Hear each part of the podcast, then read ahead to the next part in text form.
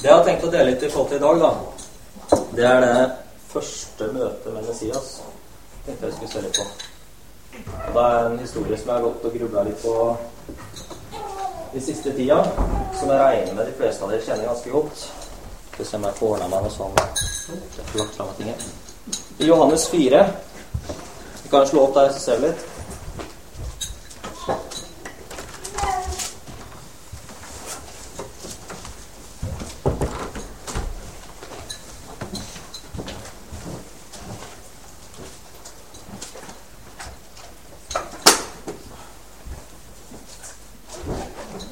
Så har vi da Jesus som står ved en brønn, og kommer ei dame da som skal hente vann. Det er vel kort på den historien. Jeg, ikke, jeg tror ikke det tar tid oss til å lese hele. Men uh, Jesus står der, og to kvinner kommer. Så hvis vi jeg kan lese litt mer, tenker jeg. Fra vers 7. Da kommer en samaritansk kvinne for å hente vann. Jesus sier til henne, La meg få drikke. Disiplene hans var nå gått inn til byen for å kjøpe mat. Hun sier, Hvordan kan du som er jøde be meg, en samaritansk kvinne, om å få drikke? For jødene omgås ikke samaritanere. Jesus svarte, Om du hadde kjent Guds gave og visst hvem det er som ber deg om å drikke, da hadde du bedt ham, han hadde gitt deg levende vann. Herre, sa kvinnen, du har ikke noe å dra opp vann med, og brønnen er dyp. Hvor får du så det levende vannet fra? Du er jo ikke større enn vår stamfar Jakob. Så videre nedover her så tar fra vers eh, 16. Da sa Jesus til henne, Gå og hent mannen din og kom så hit. Jeg har ingen mann, svarte kvinnen. Du har rett når du sier at du ikke har noen mann, sa Jesus. For du har hatt fem menn, og han du nå har, er ikke din mann. Det du sier, er sant. Herre, jeg ser at du er en profet, sa kvinnen. Så det som skjer er at eh, hun dama som kommer, hun får en møte med en mann som hun ser er en jøde.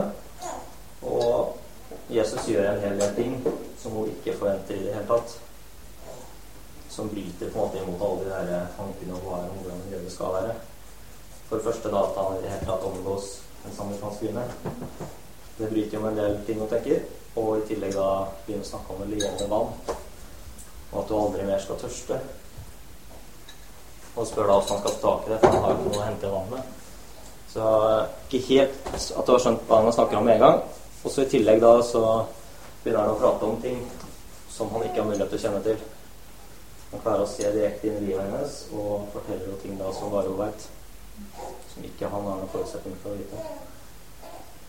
Og det som skjer da, er jo at hun ser at han er en profet. Han er ikke en vanlig mann, men han er en profet. Så videre utover så i vers 25 så sier hun dama da Jeg veit at Messias kommer, sier kvinnen. Messias er det samme som Kristus, og når han kommer, skal han fortelle oss alt. Jesus sier til henne, det er jeg som snakker med deg. Så hos amerikanske dama òg, det er jo helt klart at de har en forventning om Messias som skal komme. Og da, de er jo ikke så heldige som oss at de har både Gamle og Nye testamentet. Så ut ifra da er det Mosebøkene er tror jeg de stort sett leste i samaritanerne. Men jeg har lest et sted. Så har de da klart å se at her er det Messias som skal komme. Og forventning om det. Og også forventning om at han Messias han er en person da som skal fortelle alt. Så det er interessant. Er det ikke det? Jo.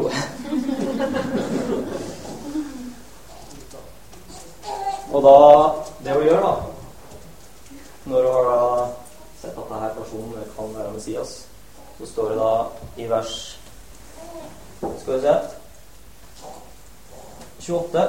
Kvinnen lot nå vannkroken sin stå og gikk inn til byen og sa til folk Kom og se en mann som har fortalt meg alt jeg har gjort. Han skulle vel ikke være Messias? Så da var ikke sikker, virker det som, da. Ikke helt sikker på at det er Messias hun har møtt, men allikevel så er det nok til at hun Dropper vannet, går så rett inn til byen og begynner å si til folk Jeg kan ha møtt Messias. Mulig det var han. Det var en profet. Og han fortalte meg da ting om livet mitt som ikke jeg hadde mulighet til å vite.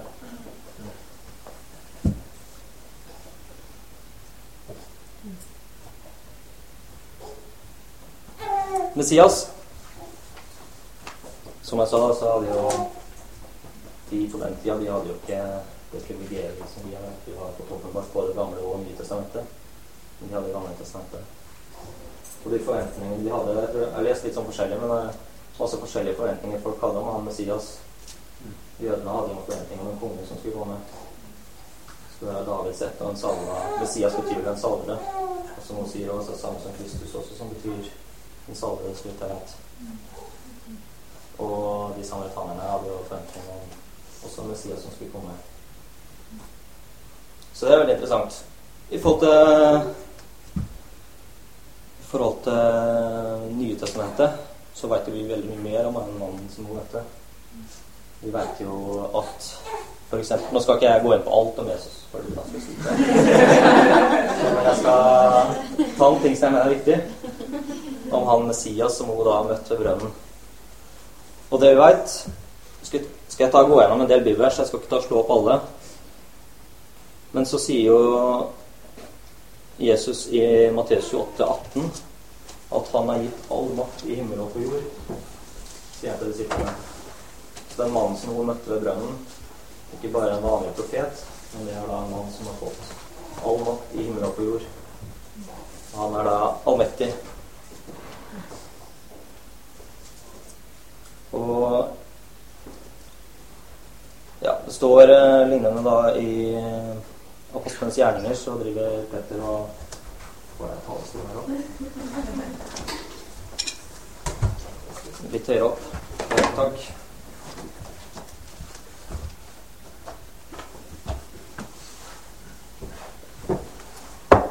Apostelens gjerninger. Du kan slå opp der sånn. To og vers eh, Jeg kan ta fra Jeg lese hele fra vers 29, tenker jeg.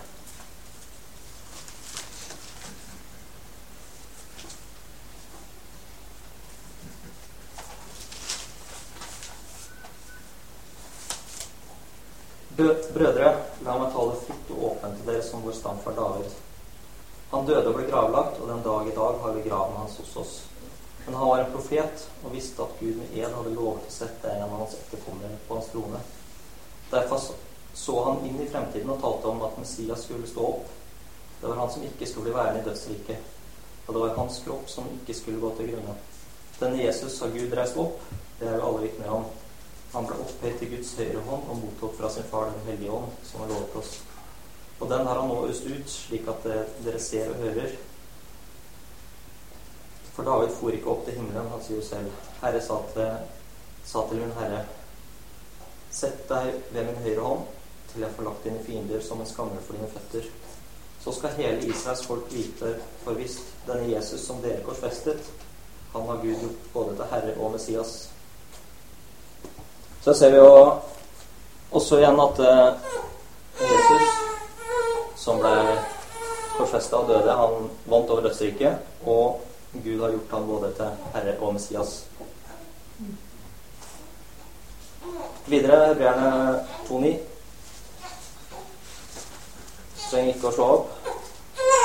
Bare les det kjapt. Men vi ser at Jesus, som for en kort tid var stilt lavere enn englene, er kronet med herlighet og ære fordi han led døden. Slik skulle han med Guds nåde smake døden for alle. Du sa også han er krona med herlighet og ære. Og Johannes' åpenbaring Jeg tror ikke dere har slått der heller. En del av dere har lest, og dere kan jo som hjemmelekse hvis du er hjemme. Men i forhold til da åpenbaringen av Jesus, som Johannes har, der han sitter på tronen og er hersker overalt, og folket rundt ham som tilber, så er det tydelig at han mannen som hun kvinnen møtte, det er jo ikke, klart ikke bare vanlig profet. Men det her er en som Gud har reist opp fra de døde, og som er hersker og herre og konge i sitt rike. Så det er stort. Og ikke nok med det, men uh, Johannes 3, 16 og 17, som dere kjenner godt òg. For, for, så høyt har Gud elsket verden at han ga sin sønn den enbårne, for at hver den som tror på han ikke skal gå fortapt, men ha evig liv. Gud sendte ikke sin sønn til verden for å dømme verden, men for at verden skulle bli frelst av han. Så jeg ser også at den mannen som hun møtte, da det er jo ikke da fortsatt ikke bare en profet, men det er Guds sønn og verdens frelser. Så det var jo mye mer enn det hun klarte sikkert å oppfatte bare den samtalen hun hadde med en mann. Men allikevel så var det den lille samtalen hun hadde, så fikk hun en sånn Det her er en profet, han veit mye om Messias. Og da forlater det hun har, og løper og forteller. Men det var jo veldig mye mer enn det hun oppfatta òg, da. Det er enormt stort, altså. Så jeg har tenkt litt på det siste at hun er jo enormt heldig også, å få møte Jesus og se ham ansikt til ansikt. Men så har jeg jo også tenkt at jeg er også heldig.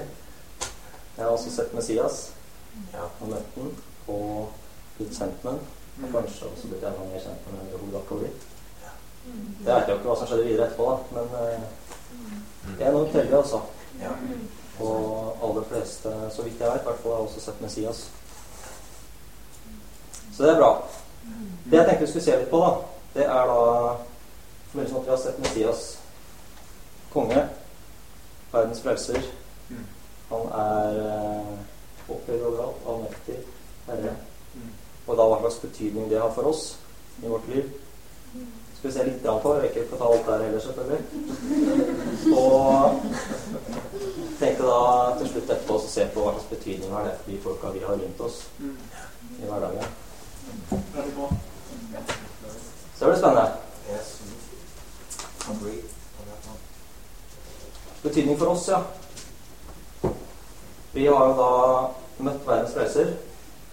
Tatt på seg alt det vi har gjort, alt av synd, og gjort det at vi kan ha fellesskap med Gud. Og da Det som skiller da det å være kristen fra så vidt jeg vet alle andre religioner, det er det som står i Efeserne 2, 8, vers 8 og 9. Kanskje oversatt.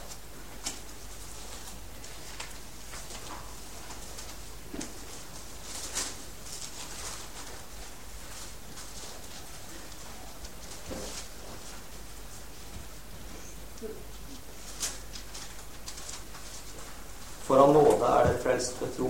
Det er ikke deres eget verk, men Guds gave. Det hviler ikke på gjerninger, for at ingen skal skryte av seg selv. Nåde. Ikke gjerninger. Det er fantastisk. En stort også. Så det vil si da at jeg trenger ikke å gjøre noe spesielt for å behage Gud. Ikke noe vi kan gjøre for å for å komme til Gud, men det er da en gave fra ham. Noe nåde. Så tenkte jeg også vi skulle se videre i Romerne 6.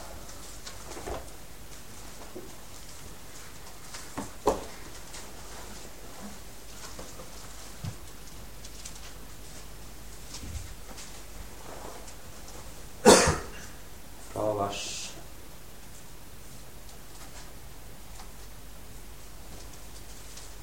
Ta fra vers eh, tre, kanskje. Leser jeg bare litt nedover. Eller vet dere ikke alle vi som ble døpt til Kristus Jesus, ble døpt til hans død? Vi ble begravet med ham da vi ble døpt med denne dåpen til døden. Og som Kristus ble reist opp fra de døde ja, ved sin fars herlighet, skal også vi vandre i et nytt liv. Har vi vokst sammen med ham i Kristus, sammen med Kristus i en død som er lik hans, skal vi være ett med ham i oppstandelsen som er lik hans. Vi vet at vårt gamle menneske ble korsfestet med ham, for at denne kroppen som var underlagt synden, skulle gjøres til intet, og at vi ikke lenger skal være slaver under synden. For den som er død, er befridd fra synden. Er vi døde med Kristus, tror vi også at vi skal leve med ham. Vi vet at når Kristus er oppreist fra de døde, så dør han ikke mer. Døden har ikke lenger makt over ham. Ja, jeg stopper der, tror jeg. Jeg fortsetter. For døden For døden han døde, den døde han for synden en gang for alle.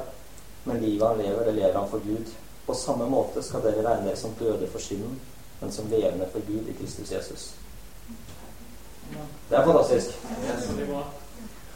I går så hadde jeg og Lina litt sånn rolig kveld. Unge som ikke skreik, men som sov. Og da hadde vi tid til å se en film.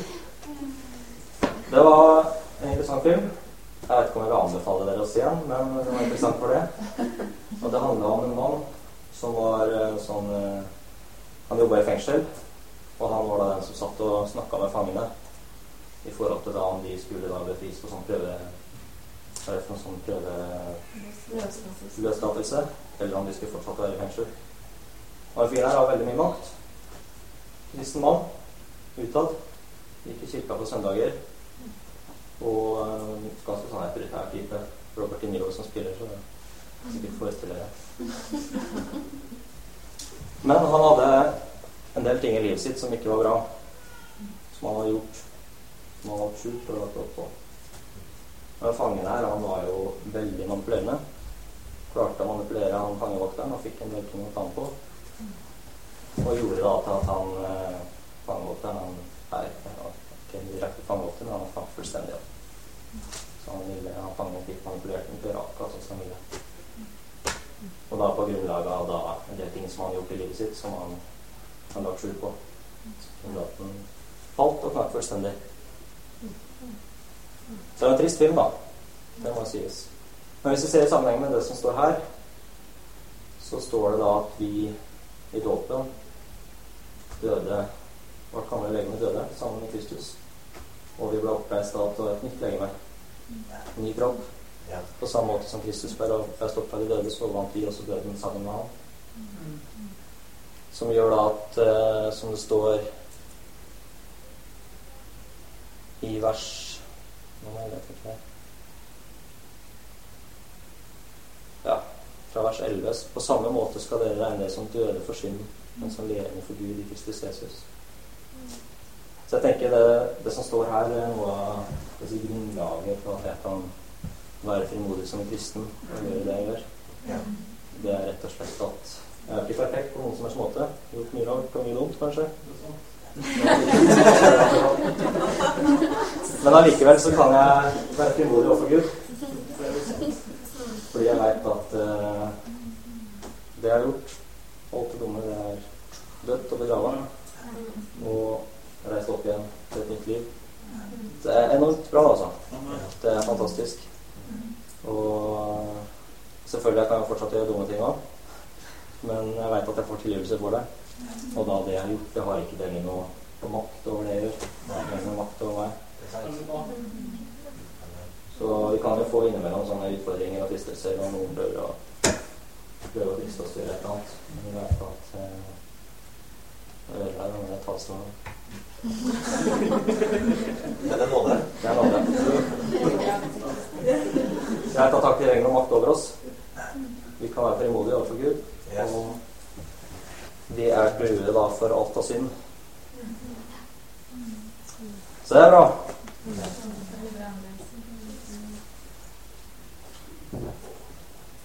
Og da Efeserne 1.4. Kjapt der òg.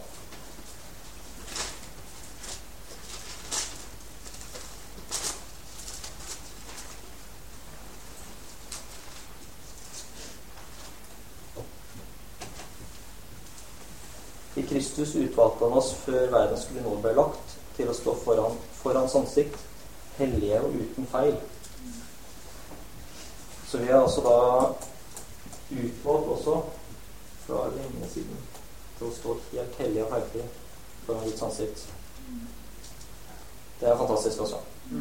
Og selv om vi gjør mye rart, så er det nåde og ikke basert på gjerninger, og vi ser oss som hellige og feilfrie. Så uansett hva som skjer, så kan ikke ungdommen komme fram for ham.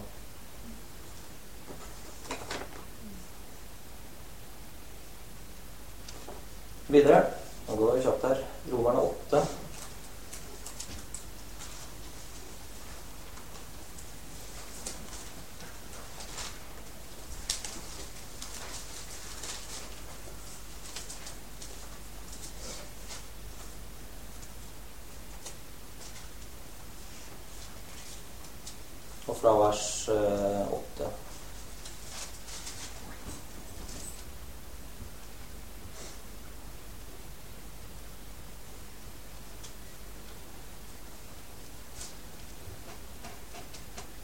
Jeg tenker jeg. men det var ikke samsvar mellom eh, Orken på Ula.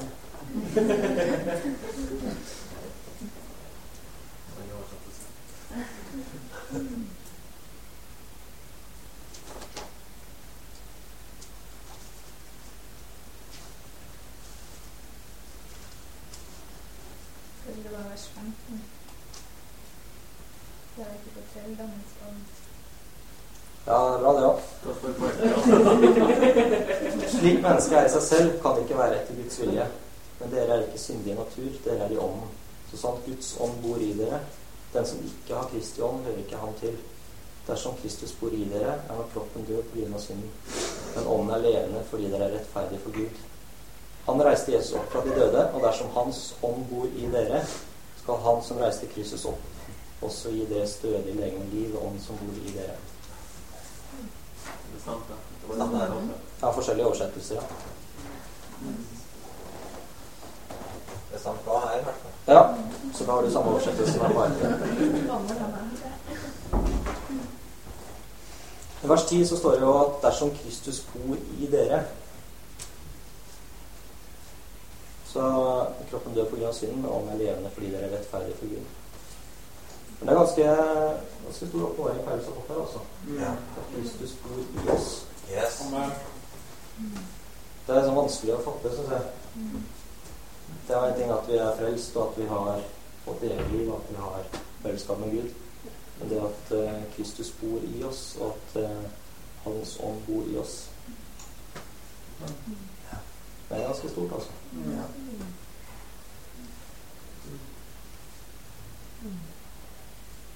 Og at Han som reiste Kristus opp, også skal gi større livet enn Han som bor i dere. Dette er noen av de punktene jeg har fått ut av i forhold til det med at vi har møtt Messias, vi har sett den, og da at det har ikke bare betydning for evigheten, men at det har stor betydning for oss her i dag òg. Ja. Med at vi da Synden er døde allerede nå, dommen er folk allerede nå, og vi kan da med frimodighet tjene Gud og være hans disipler. Amen. Nå er det selvfølgelig mye mer jeg kunne gått inn på og fått betydning hos, men jeg tror vi skal stoppe der. Vi vet jo da i hvert fall at eh, Kristus bor i oss. Vi er hellige og feilfrie og kan frimodig tjene ham hver dag. Betydning for folk vi møter, de vi har rundt oss. Vi er ganske mye forskjellige folk her. Jobber forskjellige steder. Noen studerer, jobber kanskje noen hjemmeværende. Ligner i hvert fall akkurat nå. Men allikevel så har vi en del folk rundt oss som vi berører hver dag. Om det er venner eller familie eller kollegaer eller hva det er for noe. Og jeg har en påstand da, at det møtet vi har hatt med Messias, det har stor betydning også for de som er rundt oss. De vi berører hver dag.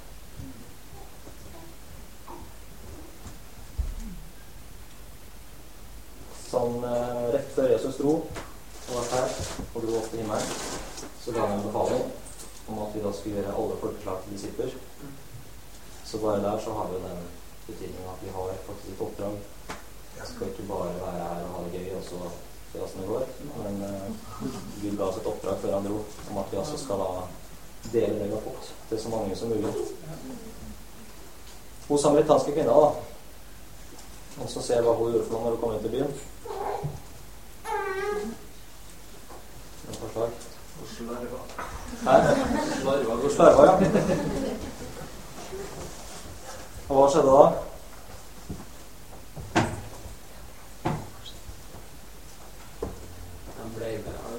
Ja. Så de hun møtte, som hun snakka med Det var sikkert ikke alle. Det blir en del som tenkte at det er vi liker å bry oss, og så fortsatte de med sitt. Men en del av de, de ble da med hun dama og se hva det er her for noe. Hva er det som har skjedd? Og noen av dere har sikkert hørt Håvard forkynne i forhold til Daniel, som hadde stor innflytelse i det riket han var i, og ble satt i en ny posisjon med han kongen og Kan hva han heter for noe. Og da på den måten kunne få stor innflytelse i det riket og påvirke hver folk Guds. Og dama her hun har inntrykk av at hun har en litt annen posisjon enn damen var. Og heller ikke han var. Hvis jeg skal tippe, så tror jeg hun hadde en ganske sånn lav status i den byen. Kanskje ikke den mest populære og mest innflytelsesrike person. Men allikevel så ville de folka her de ville være med ut og høre hva som har skjedd. Så det var interessant. Jeg tror mye av grunnen til det, det må være at de har sett at her har det skjedd noe forskjell. Ja. Den dama som gikk for å hente vann, er ikke den samme som kom tilbake igjen. Et eller annet som har skjedd her i mellomtida som gjør at de blir nysgjerrig. Hva er det som har skjedd? Og da blir jo de med ut for å høre. Og for å møte han her mannen som da kanskje er Messias. Mm.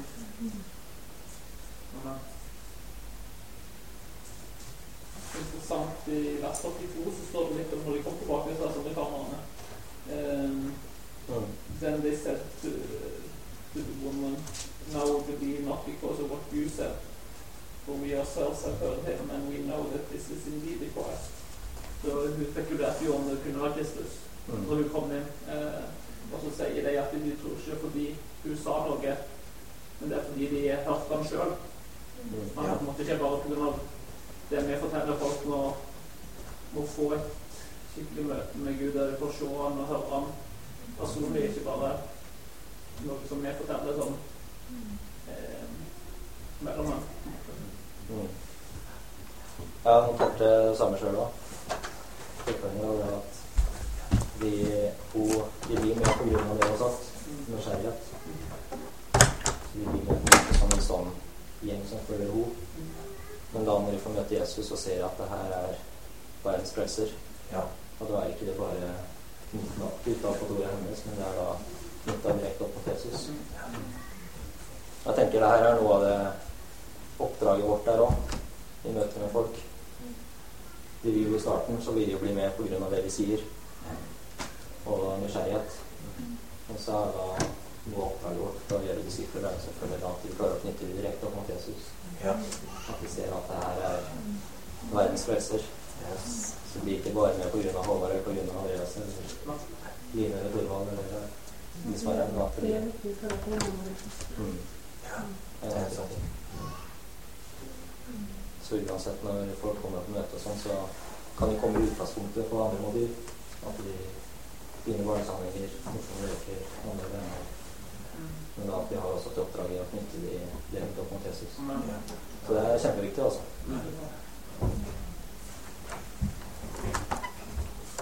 Og ja Jeg har her i forhold til det oppdraget vi har her på jorda. I første kor 1227.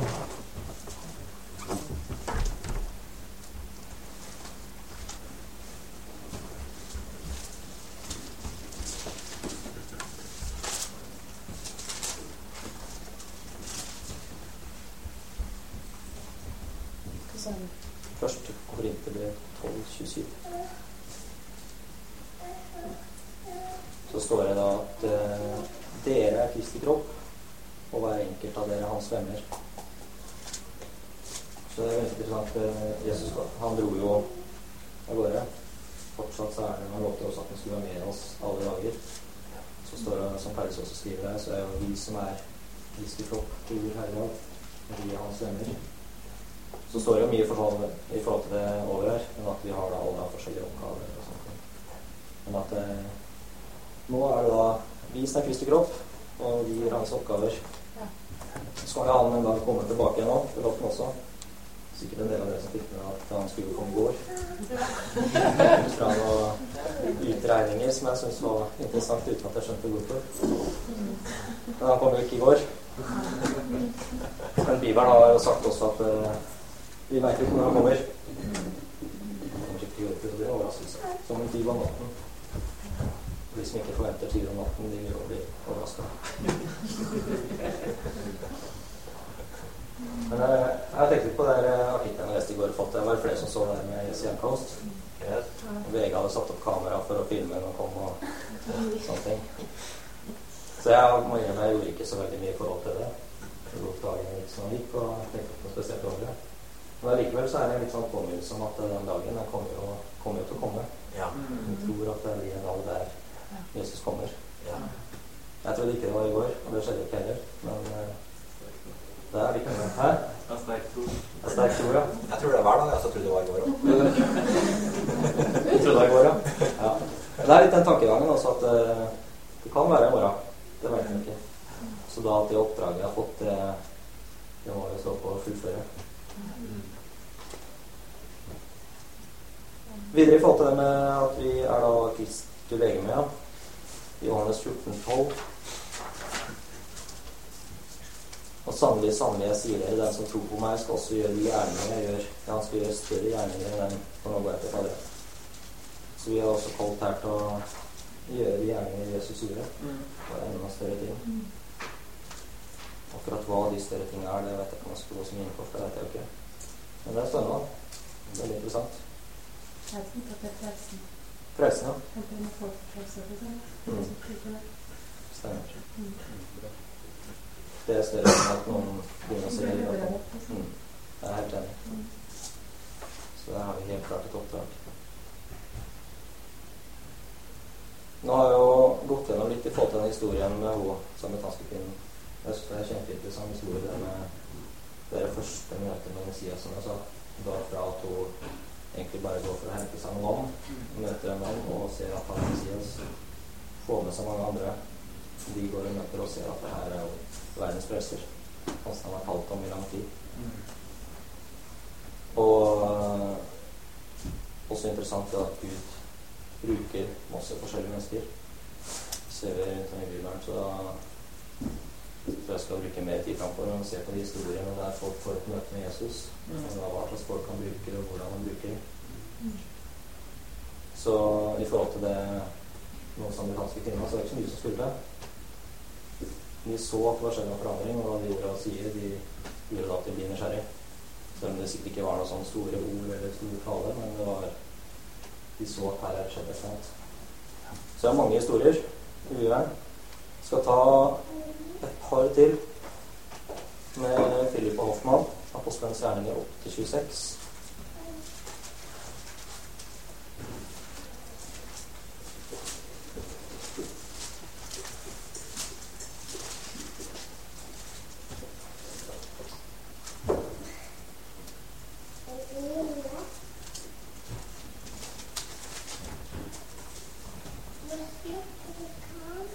Den Herrets engel talte til Philip og sa, gjør deg klart, dra sørover på veien fra Jerusalem til Gaza. Dette er en øde strekning. Philip gjorde seg i stand og dro av sted. Han fikk se en etiopisk hoffmann og en høy embetsmann som hadde tilsyn i skattkammeret hos Kandake, dronningen i Etiopia. Han hadde vært i Jerusalem for å tilbe. Nå var han på vei hjem og satt i vognen sin og leste fra profeten Jesaja. Da sa han til Philip, gå bort til vognen og hold deg tett opptil den. Philip sprang bort, og da han hørte at han leste fra profeten Jesaja, spurte han, forstår du det du leser? Hvordan skal jeg kunne forstå, sa han, og når ingen forklarer det for meg. Så ba han Philip komme opp i vogna og sette seg ved siden av ham. Også det stykket i skriften han holdt på å lese, var dette. Så jeg hopper bare videre til vers 34. Ja, jeg hopper videre igjen. Ja, da begynner jo Philip å forkynne ut fra det bibelverset. Og da etter hvert så kommer de et sted langs veien der det hvor det var vann. Og han sa, se, her er det vann. Er det noe til hinder for at det blir dødt? Philip svarte, hvis du tror av hele ditt hjerte, kan det skje. Da sa han, jeg tror at Jesus Kristus er Guds sønn. Og så da stiger de ned vannet. Det jeg syns er interessant med historien her, da, det er jo Philip. Han møter jo han her Hoffmann. Og da hva som skal til for at han Hoffmann skal ta imot Jesus. Så er det ikke så mye som skjer her, egentlig. Det er noen som har noe forhold til hva Philip gjør for noe. For at han skal ta imot.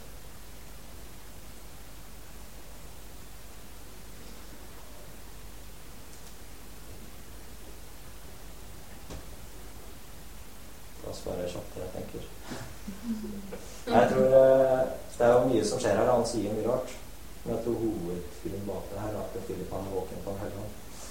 Hører hva Helligånd sier til ham, og da kan vite han sier. Så det første som skjer, var at eh, ånden ber ham å gå bort til vogna og bare gå ved siden av ham. Mm. Philip jo der. Vet jo sikkert ikke noe mer hva som skjer heller. Men det er lille ting som skaper da, for at det kommer videre. Ja. Det var Helligånd lederen videre, da, sånn at han Hoffmann tar imot. Så det er små Og interessant hva han, hva han har forsynt her. For han måtte ha forsynt vanndåp. Og som sier det enkle evangeliet, så må vanndåpen være en del av det. Yes. mm. Godt poeng. Det, krever jo også åpenbaring fra Helligånd, tenker jeg. Mm. Jeg har ikke lest Jesaja så mye at jeg klarer å forkynne dåp ut fra Jesaja, tror jeg. Men jeg studerer litt til. Men det er en ledelse i Den hellige ånd der, Ja. som gjør at han, at han ønsker å bli døpt og ta imot Jesus. Det er kjempeinteressant også. En liten ting. Som gjør at det annen mann tar imot. Og eh, ja Også en historie fra Apostlenes gjerninger i Apostlenes gjerninger 2. Der Peter står og forkynner seg. Så er det jo mye samme her da. Helligånd kommer over Peter, og han forteller det han føler at han skal si. Som gjør da at eh, 3000 blir lagt i menigheten. Det er ikke sikkert Peter var en sånn kjempestor forkynner heller. Ut fra det jeg ser i evangeliene, så er det litt sånn virker litt usikker på en del ting men mye frampå. Men eh, da fra å gå derfra til å bli en som står og forkynner for mange mennesker, og 3000 tar imot. Så er Helligånds ledelse der òg, altså. Så i forhold til det jeg tenker med oss, så er jo Vi ser jo stadig ting her. Vi kunne ikke tatt flere historier fra oss òg, der vi har fått glede av mennesker til Jesus. Men eh, viktig grunnlaget er selvfølgelig at vi har møtt Messias, og at det ikke gjerninger på nåde. Og at vi kan være frimodige fordi vi døden har som regel makt over oss. Synd er det. Som gjør da at vi kan være frimodige overfor andre mennesker og lytte til Den hellige. Så oppmuntringa for i dag, da, det er jo da lytte til Helligånd i hverdagen. Små ting, små ting som skjer, som gjør at eh, vi kan være til stor påvirkning for de som er rundt oss. Og da at vi er Jesu legeme, Kristus bor i oss, som gjør at vi kan nå langt rundt oss. Mm.